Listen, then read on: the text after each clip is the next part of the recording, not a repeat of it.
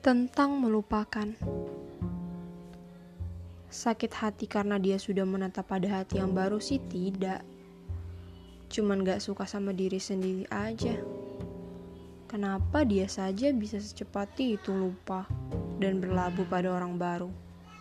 Sedangkan aku masih saja terjebak pada kenangan masa lalu.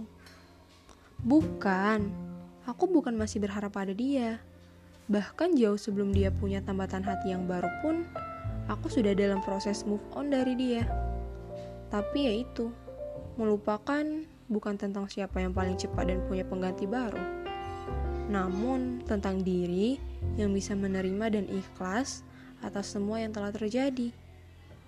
Tidak peduli seberapa lama waktu yang dibutuhkan, namun seberapa besar kualitas diri yang akan bangkit untuk masa yang akan datang.